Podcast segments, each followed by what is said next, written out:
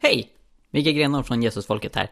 Innan ni får höra på dagens poddavsnitt eh, om bön och vetenskap tillsammans med läkaren Thomas Eidal och serietecknarprästen Kent Visti så vill jag passa på att önska er glad pingst. Pingsten är min favorithögtid som flera av er vet och för mig så innehåller pingsten flera dimensioner. Dels karismatik, andens gåvor och kraft, evangelisation, att vittna om Jesus och diakoni, att hjälpa de fattiga. Och jag skulle tipsa om två saker som hjälper er komma in i pingst-mode den här veckan. För det första, Förra veckan så släpptes The Blessing Sweden på Youtube. Det är ett samarbete mellan över hundra församlingar, bland annat vår församling Mosaik, där vi tillsammans sjunger välsignelsen över Sverige i denna svåra tid. För mig så är detta verkligen någonting som hjälper mig komma i kontakt med Gud. Det finns en andlig kraft när så många kristna från så många olika sammanhang tillsammans sjunger välsignelsen. Eh, så jag kan verkligen rekommendera den videon. The Blessing Sweden kan ni hitta på YouTube.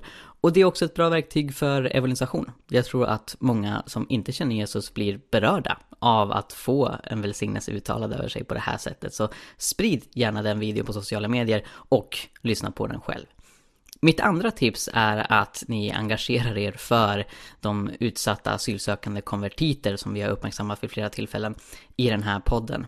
Den 4 juni så kommer riksdagens migrationskommitté samlas för vad som förmodligen är den sista gången innan de ska fatta beslut om hur framtidens migrationspolitik ska se ut i Sverige. Och vi vill att de ska förstås förbättra systemet så att konvertiter inte behandlas på ett rättsosäkert, godtyckligt och ovetenskapligt sätt, vilket har varit fallet fram tills nu. Så vi har en kampanj som ni kan hitta på hela pingsten.com konvertiter där vi uppmärksammar problemen och där har vi tips till hur du kan kontakta politiker, vi har telefonnummer, vi har mejladresser och du kan förstås också skicka budskap till dem via sociala medier och passa på att göra det den här veckan för det är nu det gäller. Om vi ska få till en långvarig förändring för hur konvertiter behandlas är det jätteviktigt att vi engagerar oss nu. Så hela pingsten.com konvertiter hittar ni informationen om det och jag uppskattar verkligen er hjälp där. Nu kommer vårt poddsamtal om hur bön och vetenskap egentligen hänger ihop. Varsågoda.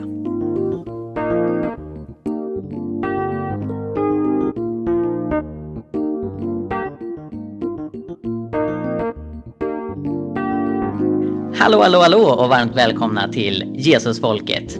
Mitt namn är Mikael Grenholm och idag har jag med mig två eminenta gäster.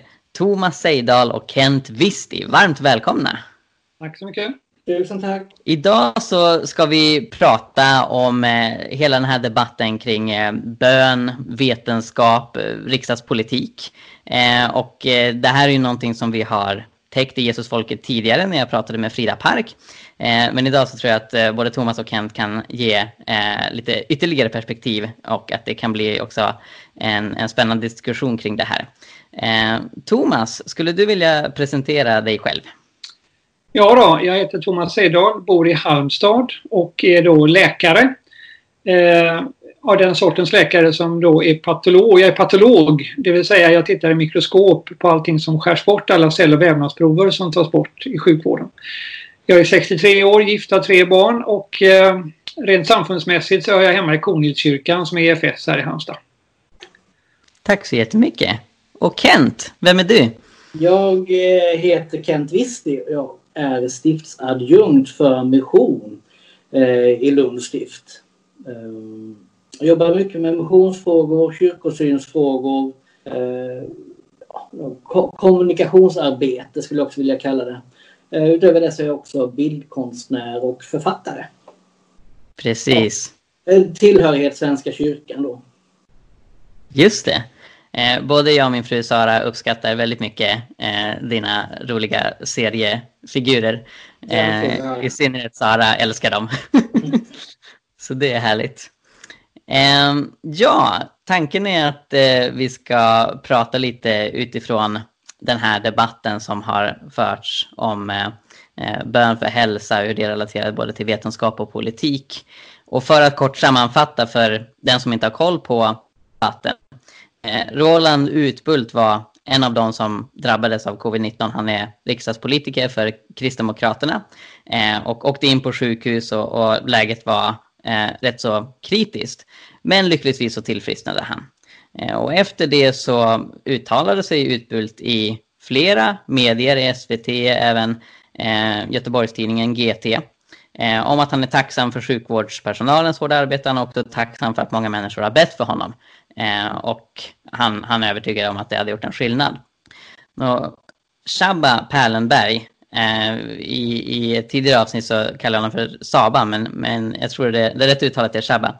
Eh, han är ledarskribent på GT eh, och han reagerar på detta så i en ledare som eh, publicerades för ett par veckor sedan eh, så tog han avstamp i Utbults uttalande och argumenterade för att det inte är passande för en riksdagspolitiker att uttrycka en, en sån här övertygelse om att bönen faktiskt ledde till att han mådde bättre. Eh, så han skriver att eh, eh, Guds tro och de böner som riktas åt hans håll har givetvis ingenting med Roland Utbults eller någon annans tillfrisknande att göra. Lika lite som en gudsfigur kan beskyllas för att inte ha räddat de över 230 000 som dött i sviterna av covid-19. Eh, det här satte igång en ganska stor debatt. Så Frida Park på tidningen Dagen engagerar sig, Stefan Gustafsson i Världen idag. Eh, och några av dem som också har bidragit till debatten med en debattartikel i kyrkans tidning är jag själv och Thomas. Eh, tillsammans med några andra, bland annat Roland Utbults hustru Marie. och det här är då bakgrunden till hela den här diskussionen. Eh, jag tänker att vi kan ta avstamp i frågan om det eh, är vetenskapligt korrekt att säga att bön kan förbättra ens hälsa och vara var tacksam för att bön har gjort att man blir friskare. Eh, eller om det är ett ovetenskapligt påstående som till exempel Shabba Perlenberg argumenterar för. Eh, Thomas, du som är läkare, skulle du vilja börja kommentera detta? Ja, det är en ganska stor och svår fråga för att det är klart att vetenskap är ett ord som har ett väldigt starkt renommé på något sätt. Det är väldigt, eh, tycker jag, värdeladdat att prata om vetenskap och man sätter ofta då vetenskap mot tro på något sätt som att det inte är förenligt. Eh, jag vill nog hävda att vetenskap i allmänhet eh, är någonting som är föränderligt. Är någonting som inte är absolut. Sanningar i någon sorts vetenskaplig bemärkelse har en ganska kort halveringstid. Eh, när man ser tillbaka.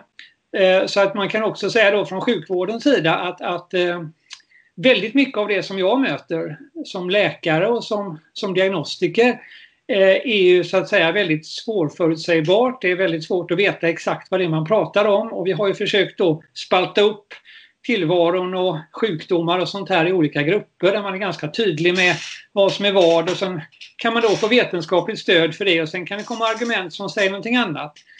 Så att eh, när det gäller bön så kan man säga att eh, Alltså du har skrivit en bok också Mikael om det här som, som jag har läst. Och eh, det finns ju visst stöd för att man i vissa situationer med hjälp av bön kan, kan notera att man blir bättre, att man blir så att säga att man får en bättre hälsa. Sen är ju bön så mycket mera än att bara begära någonting och sen Eh, kanske då i bästa fall få det här som man har, som man har bett om. Och det kommer vi säkert tillbaka till. Men att eh, man kan inte säga att det är ovetenskapligt eftersom det finns många tillfrisknanden, det finns många sjukdomsförlopp som är väldigt svåra att förklara vetenskapligt överhuvudtaget. Just det. Eh, Kent, vad tänker du om det här? Eh, jag, jag, kan tycka att det är lite beklagligt. Där, spänningsfältet med, med bön och vetenskap eller gudstro och vetenskap överhuvudtaget eh, riskerar att platta ut både tron och vetenskapen. Alltså att man på något sätt binder upp varandra. Eh, och jag, jag, tyckte det blev så tydligt också när, när eh, Shabba då gjorde, skrev den här ledaren och hur delar av kristenheten svarade med vad man gick in för med eh, för attityd och vad man gick in för med, med liksom för emotionell laddning i det. Eh, alla som någon gång haft konfirmander vet att de här frågorna kommer. Eh, och då svarar man lugnt och stilla och varmt och kärleksfullt och för ett samtal. Eh, och jag tror att man kan göra det från ledarsidor också faktiskt. Eh, som den här debatten eh, slutade någonstans blev det bara låsta positioner och det tycker jag är oerhört beklagligt. Mm sen är det många saker i det här som, som väcker frågor i mig som jag förstår att eh, ni båda har, har tittat närmare på och kan mycket mer än jag.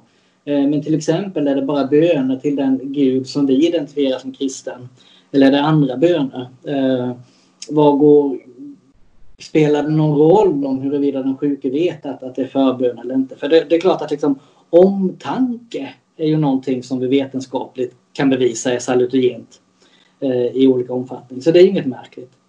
Ehm, men när, när man då går in i det här platta samtalet som blir som ett IKEA-paket ungefär på leverans eh, så kommer man ur min synvinkel väldigt nära magiskt tänkande och skrock. Och jag tycker det är orättvist både mot vetenskapen och mot eh, tro.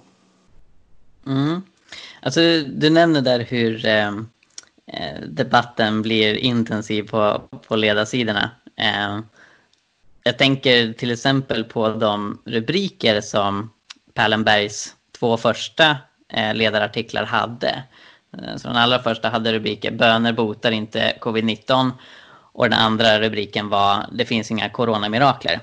Och inget av det är direkt citat vad jag kan se från Eh, det Pallenberg skriver. Sen eftersom han är ledarskribent på tidningen så har han förmodligen inga problem med det. Men rubriken eh, sätter ju alltid en ton. Det är väldigt många som läser resten av texten eh, i perspektivet från vad rubriken säger. Eh, och redan där så liksom finns det något slags definitivt som tangerar till att eh, ateismen på något sätt är bevisad eller att det liksom är definitivt så att eh, bönen inte kan spela någon, någon praktisk roll. Eh, och det var också någonting som eh, vi lyfte i, i vår debattartikel, Thomas, att givetvis så är ju covid-19 en alltför ny sjukdom för att vi ska kunna ha något vetenskapligt stöd för att böner kan bota just den sjukdomen. Men vi kan se att det finns andra studier som pekar i en riktning. Eh, och vi nämner bland annat Eh, det arbete som Jacqueline Duffin har gjort. Eh, hon skriver i Medical Miracle som getts ut på Oxford University Press eh, om den ganska rika mirakeltraditionen i katolska kyrkan som sedan flera hundra år tillbaka gör en väldigt stor grej av att för att ett tillfrisknande ska kategoriseras av prästerna och teologerna som mirakulöst så måste först läkare och vetenskapsmän titta på det och säga att här finns det ingen nuvarande vetenskaplig förklaring. Eh, så, så där finns det någonting som pekar i en riktning. Men sen är det ju svårt att säga att det skulle vara ett vetenskapligt bevis för mirakler eller för eh, mirakulöst helande. Och det tänker jag beror på att det också behövs eh, filosofi och någon slags filosofisk tolkning av det man kan se när det gäller liksom tillfrisknanden för att faktiskt komma till en högre nivå om att det är en gud eller andlig varelse som ligger bakom det här. Eh, har ni några tankar om det? Det, det är ganska många saker som du berör här som, som, eh, som har med det här att göra. Eh, jag tänker så här när det gäller just eh, den här rubriken som du nämnde här så har ju inte ehm, så har ju inte Roland Utbult heller hävdat att det var bönen och bara bönen som gjorde honom frisk. Eh, det är inte sant helt enkelt utan han, han är tacksam för att människor har bett för honom och det är lite som Kent är inne på det här med omsorgen och det här vetskapen att det finns flera som delar min situation i någon mening. Eh, det är jätteviktigt. Eh, sen är det väl också så att, att eh, när det gäller covid-19 om man håller sig till det då så vet vi ju ganska ganska lite kan man totalt sett säga, men vi vet att det finns ett virus och det är karaktäriserat ända ner på RNA-nivå eh, som, som, eh, som är orsaken till att man blir infekterad. Men sen, sen tar ju kunskapen slut egentligen. Sen, sen kan man säga då att, att eh, för vissa människor så är det här ett dödshot och för andra så är det en ganska bagatellartad infektion som är snabbt övergående. Och det är väldigt svårt att veta vem som råkar ut för vad. Alltså man kan säga att eh, histo, eh, jag ska säga, histogenesen eller genesen till sjukdomen är ganska känd medan däremot sjukdomsförloppet är inte känt. Eh, och, eller patogenesen ska jag säga är känd men alltså sjukdomsförloppet är då ganska, ganska lite känt. Och, och, och, kan du då förklara vad patogenesen betyder? Ja, patogenes är alltså det som ger upphov till sjukdomen helt enkelt. Och I det här fallet så är det ett virus, ett specifikt och eh, mycket väl definierat virus. Eh, men sen så vet vi inte så mycket mer och då kan man säga att sjukdomsförloppet är då uppenbarligen multifaktoriellt. Det vill säga det finns många olika saker som gör att, att en del blir sjukare och en del blir inte så sjuka. Och det vet vi ganska lite om. Och jag vill nog hävda att det här gäller ganska många sjukdomar, inte minst tumörsjukdomar. Och då vet ju också att tillfrisknandet är multifaktoriellt. Och det är precis som, som Roland Utbult säger att vården är naturligtvis helt central här. Särskilt om man måste ligga i respirator eller ha intensivvård så blir det väldigt påtagligt. Men det är inte det enda som gör att människor överlever utan det finns andra faktorer också som spelar roll. Till exempel vilken status de är i innan, fysiskt, andligt och själsligt. Eh, vilka läkemedel de har, vilka sjukdomar de har haft tidigare och sånt här. De har man tittat ganska mycket på. Så jag tycker man ska, eh, ska vara ödmjuk och säga att det finns flera olika faktorer som i det enskilda fallet leder fram till både sjukdomsbilden och till tillfrisknandet. Nu tappar jag kanske lite tråden mot vad du sa från början. Det var så många saker du hade uppe där. Så att man kan... Ja, det är sant. Det är sant. Annat. ja, men, nej, jag uppskattar verkligen det. Nej, men jag, jag, jag, jag tror också att den här ovissheten, Eh, att just bönedebatten kommer upp kring covid-19 är ju jättespännande. Eh, därför det finns få saker som vi människor eh, avskyr så mycket som det är när vi inte har kontroll eller när vi känner någon slags vanmakt. När vi vet väldigt lite. Eh, och det innebär att vi, vi fyller igen de där luckorna. Eh, och det är en komplex eh, sjukdom och vi vet väldigt lite. Eh, idag när vi spelar in det här så, så läste jag rubriken om, om att eh, snusare och rökare kan ha en viss fördel i detta därför att viruset tar inte på samma sätt. Eh, etc. Eller om Gud älskar snusare och rökare mer. Jag vet inte.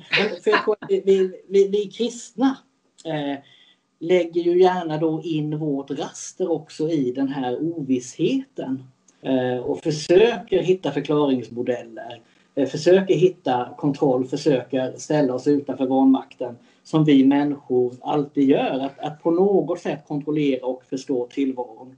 Eh, och jag menar att vanmakten är en del av att vara människa. Det är en del av vårt existentiella ramverk. Eh, det är liksom en vanmakt som, som Gud själv har delat med oss på korset, på långfredagen. Det finns ett spänningsfält här också eh, mm. mellan långfredagen och påskdagen, menar jag. Eh, där, som i alla trosfrågor, där, där ingen kan få stå ensam. Eh, och då tänker jag, och, och precis som, som Thomas sa här då, att det är en mängd faktorer, bland annat det som vi Eh, sociologiskt brukar benämnas som, som KASAM, känslan av samhörighet, eh, eh, själslig hälsa, andlig hälsa etc. Eh, men med, med just den här viljan av att, att förstå, av att kunna kontrollera det lilla, lilla man någonsin kan.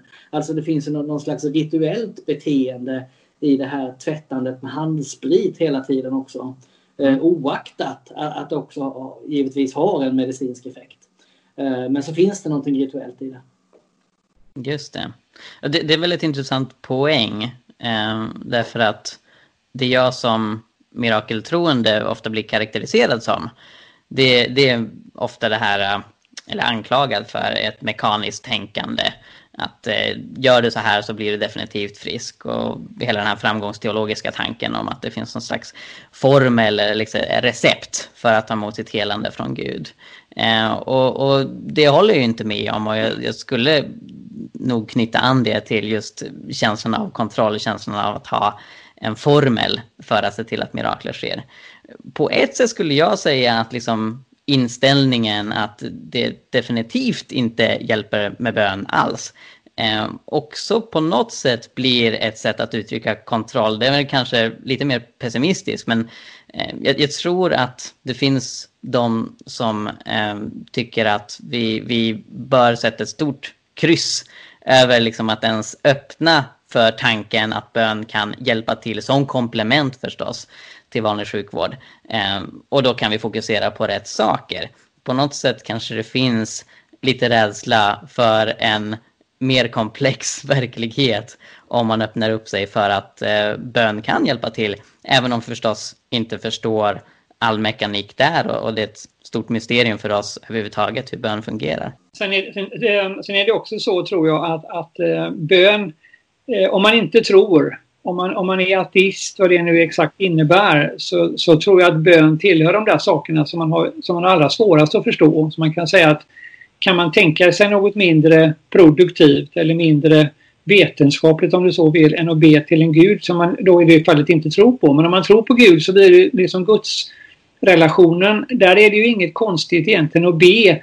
Och man ber ju inte Eh, i första hand eller kanske inte, i alla fall inte bara för att få bönesvar utan det är en typ av, ska vi säga, att man talar med Gud, att man, att man vill dela sina tankar och sin fruktan och, och den är väldigt påtaglig i dessa tider eh, med någon som, som vi ändå tror då, vi som är kristna, som, som, som vi tror har kontroll och som har en övergripande plan för alltihopa.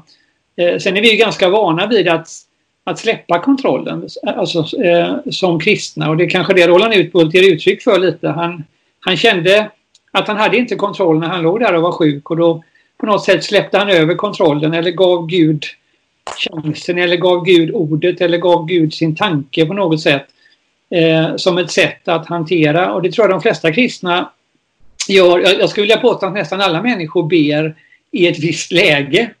Eh, när man blir tillräckligt pressad så ber man till Gud för det kan ju inte skada och därför kan man tycka att det är lite konstigt när en ledarskribent tar upp det här som om det vore något fel, någonting som rent av skulle vara förtroendeskadligt eller kanske rent av ovetenskapligt i den meningen att han, att han då implicit på något sätt menar på att han han litar inte på läkarna, han litar på Gud. Men man kan faktiskt lita på både och.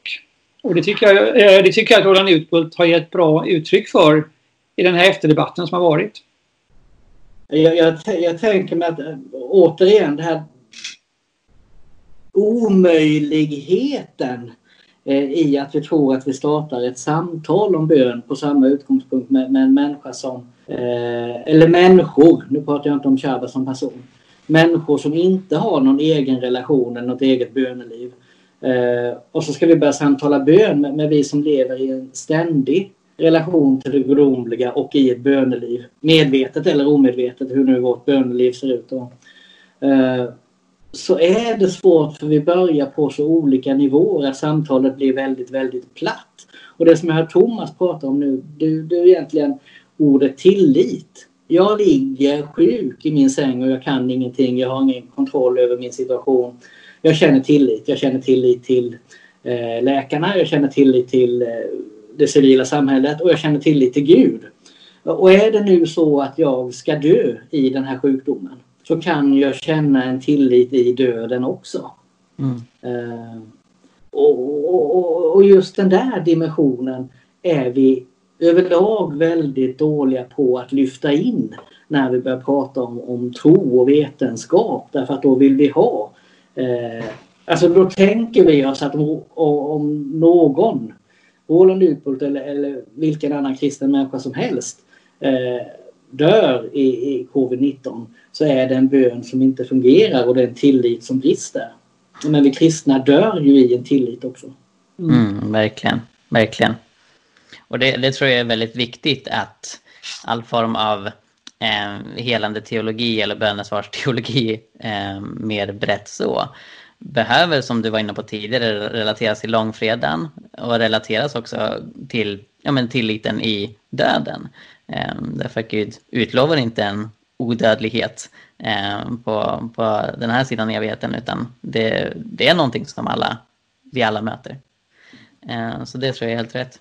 Men det är ehm. också någonting där som, som, som just detta att, att man får skilja, människan består inte bara av en kropp. Va? Och det är klart att, att vi, vi inom sjukvården så är vi fokuserade på, på det kroppsliga, det fysiska, på tumörsjukdomar, på infektionssjukdomar och sånt där.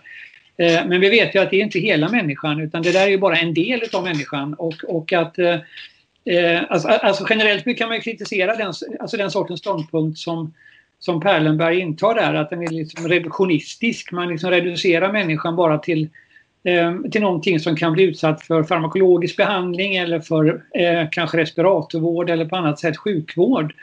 Eh, när människan egentligen har större behov som också måste tillgodoses. Och det är klart att om man om, eh, förnekar man människans behov på andra områden som inte är då lika vetenskapliga eller lika välkontrollerade eller lika välstuderade Eh, så blir det naturligtvis konstigt när, eh, när då någon person som dessutom råkar vara en offentlig person tar in det här i diskussionen. Man tycker att det är obehagligt på något sätt. Och jag tror att man reagerar, eller man och man, alltså, alltså till exempel Perlenberg och en del andra som har följt med i det här spåren efter den här, eh, att den här debatten tog fart, har gett uttryck för just detta. Eh, alltså främlingskapet för att man räknar med de dimensionerna som kanske inte då är lika tillgängliga för vetenskap. Och eh, det blir väldigt, alltså för mig blir det väldigt eh, reduktionistiskt och väldigt, väldigt påvert på något sätt att beskriva människan som sådan, även som en vårdvarelse. Att man är eh, då någon som ligger i respirator, någon som, som blir utsatt för kirurgi, någon som man behandlar med farmaka. Eh, men det finns ju andra dimensioner som också måste tas hänsyn till och som också måste bearbetas och behandlas. Och som dessutom då för, eh, för många människor i något läge också innebär en trygghet. Ja, jag tyckte det var väldigt intressant att se eh, när eh, debatten hade tagit fart. Eh, Perlenberg då eh, ja, invänder mot att Utbult eh, på ett så pass tydligt sätt är tacksam för att människor ber för att han blev frisk och anser att det har någon slags roll i att han faktiskt blev frisk. Eh, och som vi har varit inne på, Pärlenberg eh, har förmodligen inte själv så mycket relation till bön. Eh, men eh, jag, jag, såg att eh, du, Kent Wisti, ut, uttryckte förståelse för Perlenbergs perspektiv just när det gäller att, att lyfta det här med att Utbult som riksdagsledamot sa det här. Skulle du vilja utveckla ja, det lite grann? Alltså, jag, jag, tror att det är ett samtal som vi ständigt måste ha i ett demokratiskt eh, samhälle. Så jag är glad att någon hela tiden är där och petar och väcker frågan. Eh, för jag tror inte att, att Utbult tänkte att nu är jag riksdagsledamot, nu ska jag tala om bön. Eh, jag bara gubbfantiserar här men jag tänker mig att, att, att, Utbult var väldigt glad över att vara frisk och ha klarat det här. Eh, och, och pratade som Roland helt enkelt. Eh, men det, och då menar väl Perlenberg att man slutar inte vara riksdagsledamot klockan, klockan fem på eftermiddagen utan han är det ständigt. Eh, och problematiserar hur mycket konfessionalitet kan vi ha i de politiska besluten? Eh, nu vet jag inte vilka uppdrag som, som just Roland Utbult har men eh, alltså skapade en förtroendekris överhuvudtaget om han skulle jobba med sjukvårdsfrågor. Etc. Jag tycker det är en viktig fråga att lyfta. Jag har inget själv något svar på den. Jag kan inte säga att jag håller med Palmberg. Eh, men, men det som gjorde mig lite mer förfärad, alltså, som gjorde att jag, om man nu väljer sida, ställde mig åtminstone bredvid Palmberg så, så var det de här enormt höga hästarna som många av oss kristna klättrade upp på.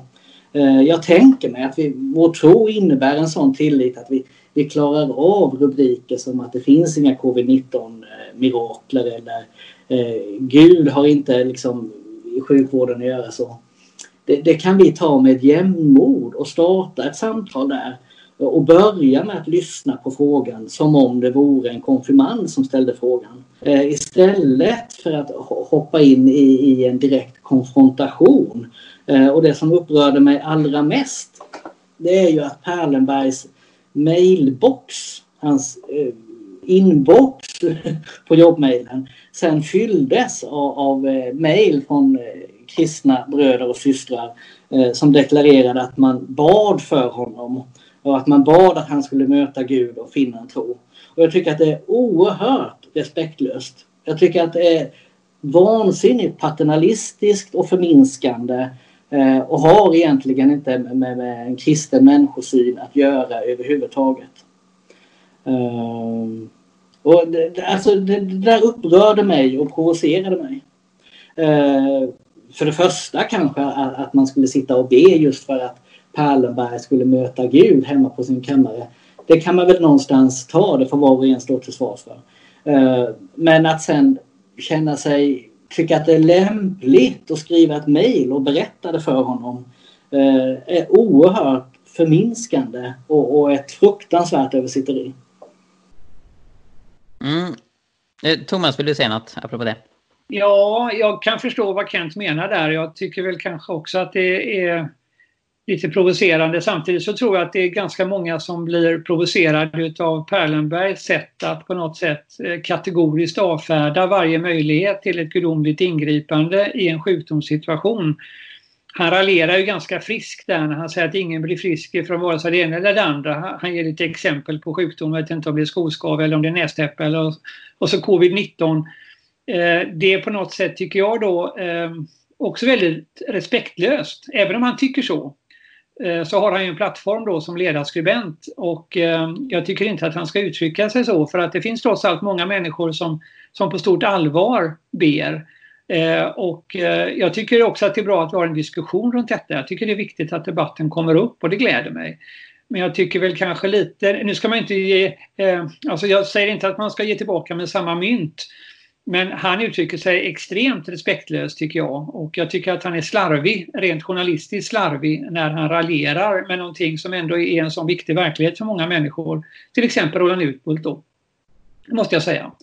Så att eh, lite grann har han väl satt sig i den här situationen själv. Han kunde varit lite elegantare i sin kritik, tycker jag. Ja, jag tycker att hans eh, ingång i det och hans eh, eh, tydlig, hans raljanta hållning tydliggör ju den platta gudsbild som han presenterar. Alltså en oerhört antropomorf gudsbild som i mångt och mycket påminner kanske om en femårings med den här gubben på molnet och så. Vilket är en fullt tillräcklig gudsbild så länge man vet att det är en gudsbild. Eh, men jag blir inte det minsta provocerad därför att det där är liksom inte den gud som jag har en relation till eller som jag lever och dör med. Eh, utan det, det är någon vanföreställning, eh, ska jag inte säga att det men, men det är ju en halmgubbe som Pärleberg målar upp. Och den skrämmer inte mig och den gör mig inte arg. Ja, och, och precis den termen använder ju sen också Frida Park i sin respons till Perlenberg. Att det, han, han målar upp en halmgubbe. Eh, hon påpekar just det här utifrån att Perlenberg uttrycker någon slags logisk nödvändighet mellan att tro att bön har faktiskt effekt på hälsa och att alla som eh, inte blir friska har fått den dödsdomen av Gud. Eh, det pekar ju också Frida Park på är i mångt och mycket en halmgubbe så, så tänker kristna lyckligtvis inte vanligtvis. Um, och eh, jag, jag, förstår verkligen vad du menar Kent när du beskriver det här med hur folk mejlar jag ber för dig att du ska bli frälst. Eh, det upplevs nog av, av många själva som något väldigt snällt och fint för de upplever själva det här är det mest fantastiska som har hänt mig och det är ju bra om den här personen får vara med om det också. Eh, men eh, Esther Keisen, feministpastorn, eh, uttryckte i ett samtal som både hon och jag var med i att det blir som att man använder bön som utpressningsmedel och att man använder bön som härskarteknik. Mm. Och det kan ju också ske en hel del i internkristna sammanhang. Så jag har själv fått många sådana kommentarer om att jag, jag ber Mikael att du ska förstå att Donald Trump är Guds utvalde och jag ber Mikael att du ska förstå det här. Mm. Eh, och eh, då, just, just det här att man inte bara ber på sin kammare utan man ska dessutom säga det och, och nästan trycker i ansiktet på folk eh, håller jag med om blir, blir respektfullt när man, eller respektlöst när man liksom använder bön som ett sånt verktyg snarare än, än det verktyg det är tänkt att vara, nämligen kommunikation med Gud. Ja, vi har många trådar i luften mm. nu känns det som. Um, lite, eh, alltså det här med att han är riksdagsman och, och att uh, han kanske inte uttalar sig i första hand i egenskap av riksdagsman. Uh, och det är alldeles sant. Men lika sant som det är som att man inte slutar att, att vara riksdagsman klockan fem så är det ju också så att man slutar inte att tro på Gud bara för att man blir sjuk eller bara för att man är riksdagsman. Utan det är någonting som är en del utav livet. Och det är väl kanske egentligen det som Perlenberg eh, blir lite överraskad och lite, lite provocerad av att det finns någon som faktiskt har det här som en del av sitt liv. Eh, och att gudstron och då därmed också bön och andra typer av ska säga, gudstjänster är en del utav livet och ingenting som man kan bryta loss när man går in i riksdagen eller när man åker in på sjukhus. Eh, så det är väl återigen någon typ av ska säga, platthet eller fyrkantighet där Eh, jag vill ju väldigt gärna att våra riksdagsmän ska ha, alltså ha en värdegrund. Och att de ger uttryck för den är ju inte, det är inte någonting som jag tycker eh, Alltså det vill inte jag kritisera utan tvärtom tycker jag att det är efterfrågansvärt. Ja, jag, jag, jag, tror, jag tror ytterst att det egentligen är en kulturfråga och kulturkrockar. Eh, I Roland Utbults värld så, så, är det helt okontroversiellt och liksom fint någonting man gör, alltså nästan någon form av etikett. Eh, eh, att man tackar för människors förböner och man förstår att människor varit oroliga eh, och bett. Och i en annan sekulär kultur så betyder det någonting helt annat. Jag upptäcker det här hela tiden. Jag har svårt att relatera till men jag har förstått att det är så nu. När jag till exempel uttrycker tacksamhet mot, det, till det gudomliga åt all vårdpersonals kunnande och att de jobbar så hårt att jag är tacksam för det.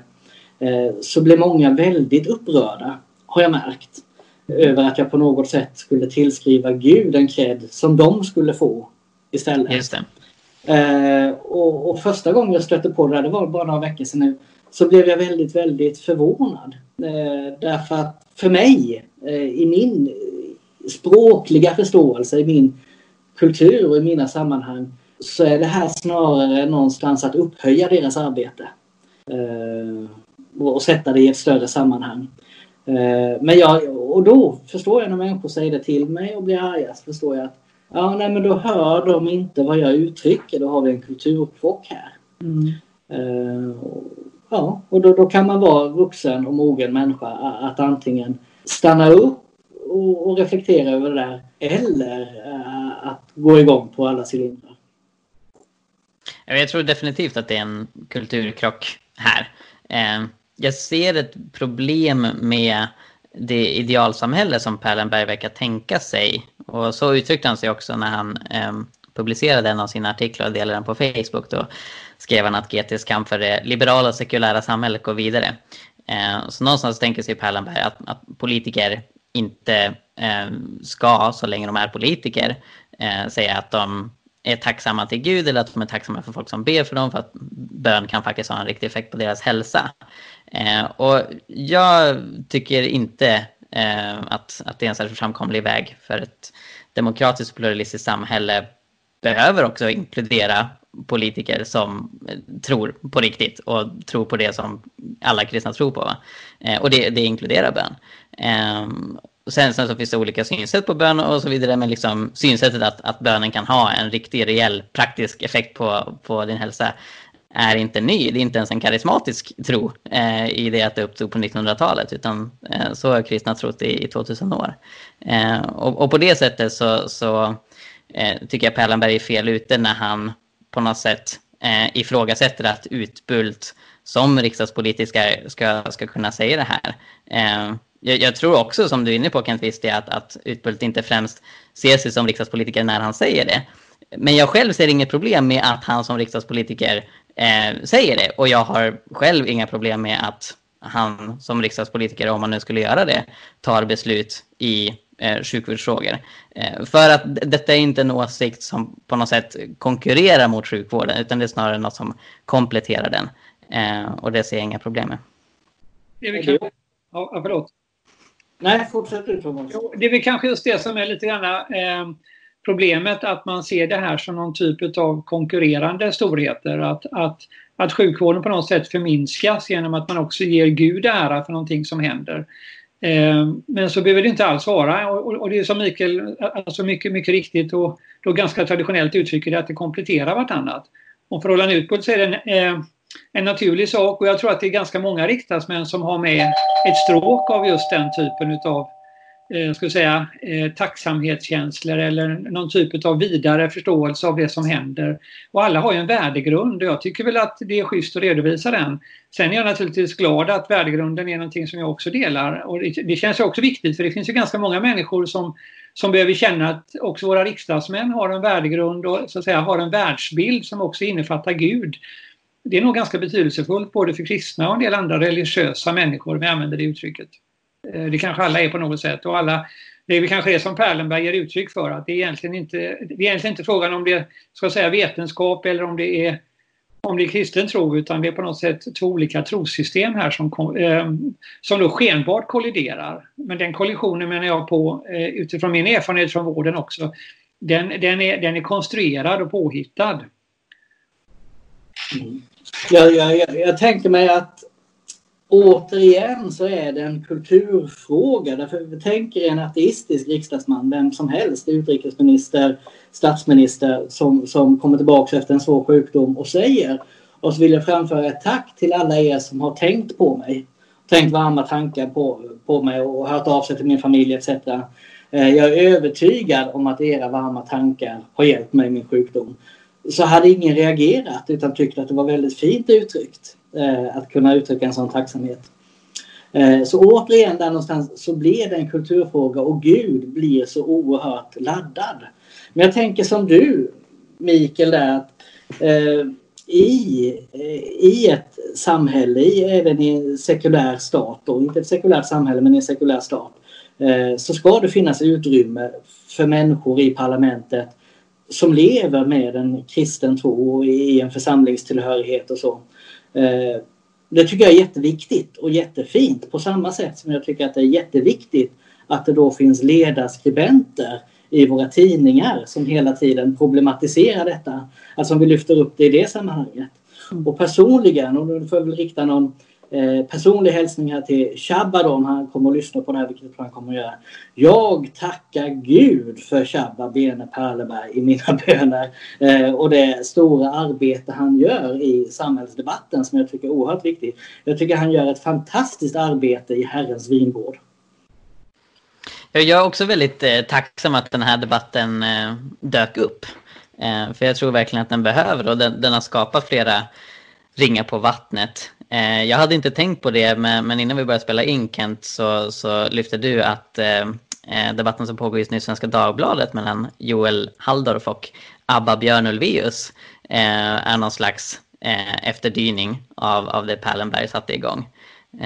Så, så det, det, skapar ju en diskussion, även om jag inte håller med Pallenberg i sak, så är jag också väldigt tacksam för att han, han påbörjade debatten.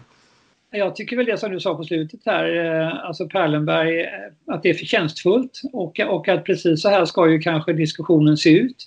Eh, och vi som kristna måste också tåla att bli ifrågasatta. Det här blir ju tillfälle till apologetik, alltså försvar för den kristna tron. Det har vi ju sett i John Sjögren till exempel i Svenska Dagbladet som skrev en ganska så harmsen och kränkt artikel då gentemot Björn Ulvaeus. Och jag tror att vi behöver på något sätt vara tacksamma för att det skapas fora där man kan diskutera frågor som rör gudstro. För att eh, sen blir det ofta lite tokigt därför att vi har en eh, Alltså en kultur där det här inte riktigt är comme få. Man kan prata om det mesta men inte om sin tro. Va? Det är väl ganska vanligt och det upplever vi kanske lite var till mans. Du är präst Mikael så du kan, och du är också Kent. Men jag känner ibland att jag förväntas inte säga någonting om min kristna tro. Och det gör jag inte särskilt ofta heller. Men jag skulle önska att det var fler tillfällen och det här var ett sånt tillfälle. Så jag är också tacksam till Perlenberg. Just for the record så ska jag förtälja att jag är pastor. Ja, okay. Men du, du är inte den första som kallar mig präst. Nej, för mig så är inte skillnaden så stor. Jag är lågkyrklig. Jag är visserligen svenskkyrklig som EFS-are, men jag, jag, är mycket lågkyrklig. Just det. eh, Kent, har du någon ytterligare tanke? Eh, nej, faktiskt inte. Jag tycker det här blev ett väldigt, väldigt fint samtal. Ja. Eh, och jag är glad att jag fick vara med. Det, det är min tanke. Ja, vad roligt. Jag är också väldigt tacksam för detta. Eh, som sagt, eh, diskussionen om detta är, är väldigt viktig. Eh, vi lever i en orolig tid eh, där vi också märker att eh, många fler vänder sig till Gud, till det andliga. Eh, och det är något som vi har uppmärksammat i den här podden tidigare. Så vi ser att intresset för Gud, för kyrkan tycks öka på flera olika fronter. Förstås online, där det märks av eh, rätt mycket, men på andra sätt också. Eh, och då så dyker de här frågorna om, om helande upp. Eh, så som Thomas nämnde så har jag skrivit en bok på ämnet som heter Dokumenterade mirakler. Eh, och jag kan också tipsa för den som vill dyka djupare i det, att förutom boken Dokumenterade mirakler så finns det en podcast med samma namn som är väldigt enkel att ladda ner. Där vi tittar djupare på just det här hur bön, vetenskap, helande hänger samman och där vi också intervjuar folk eh, som, som har blivit friska på sätt som deras läkare inte kan förklara med naturliga medel eh, efter att de har fått förbön. Eh, så det kan jag tipsa om så här i avslutningen. Thomas och Kent, tack så jättemycket för att ni har varit med i det här avsnittet av Jesusfolket. Tack, tack. Tack så mycket.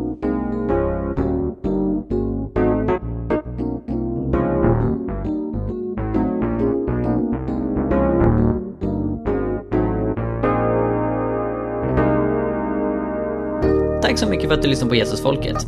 Om du vill höra mer, så se till att prenumerera på iTunes, Spotify eller valfri podcastapp. Du kan också lämna en recension, vilket är en eh, liten grej att göra som hjälper oss väldigt, väldigt mycket, så det uppskattar vi verkligen. Ehm, du kan också läsa vår blogg, Hela Pingsten. Vi har mängder med artiklar där om andens gåvor, evangelisation, fred, rättvisa och allt möjligt annat som har med lärjungaskap att göra, så kolla in det. Och vi finns på sociala medier, du kan följa både Jesusfolket och hela pingsten på till exempel Facebook. Tack så mycket, Gud välsigne dig och eh, fortsätt vara en del av Jesusfolket.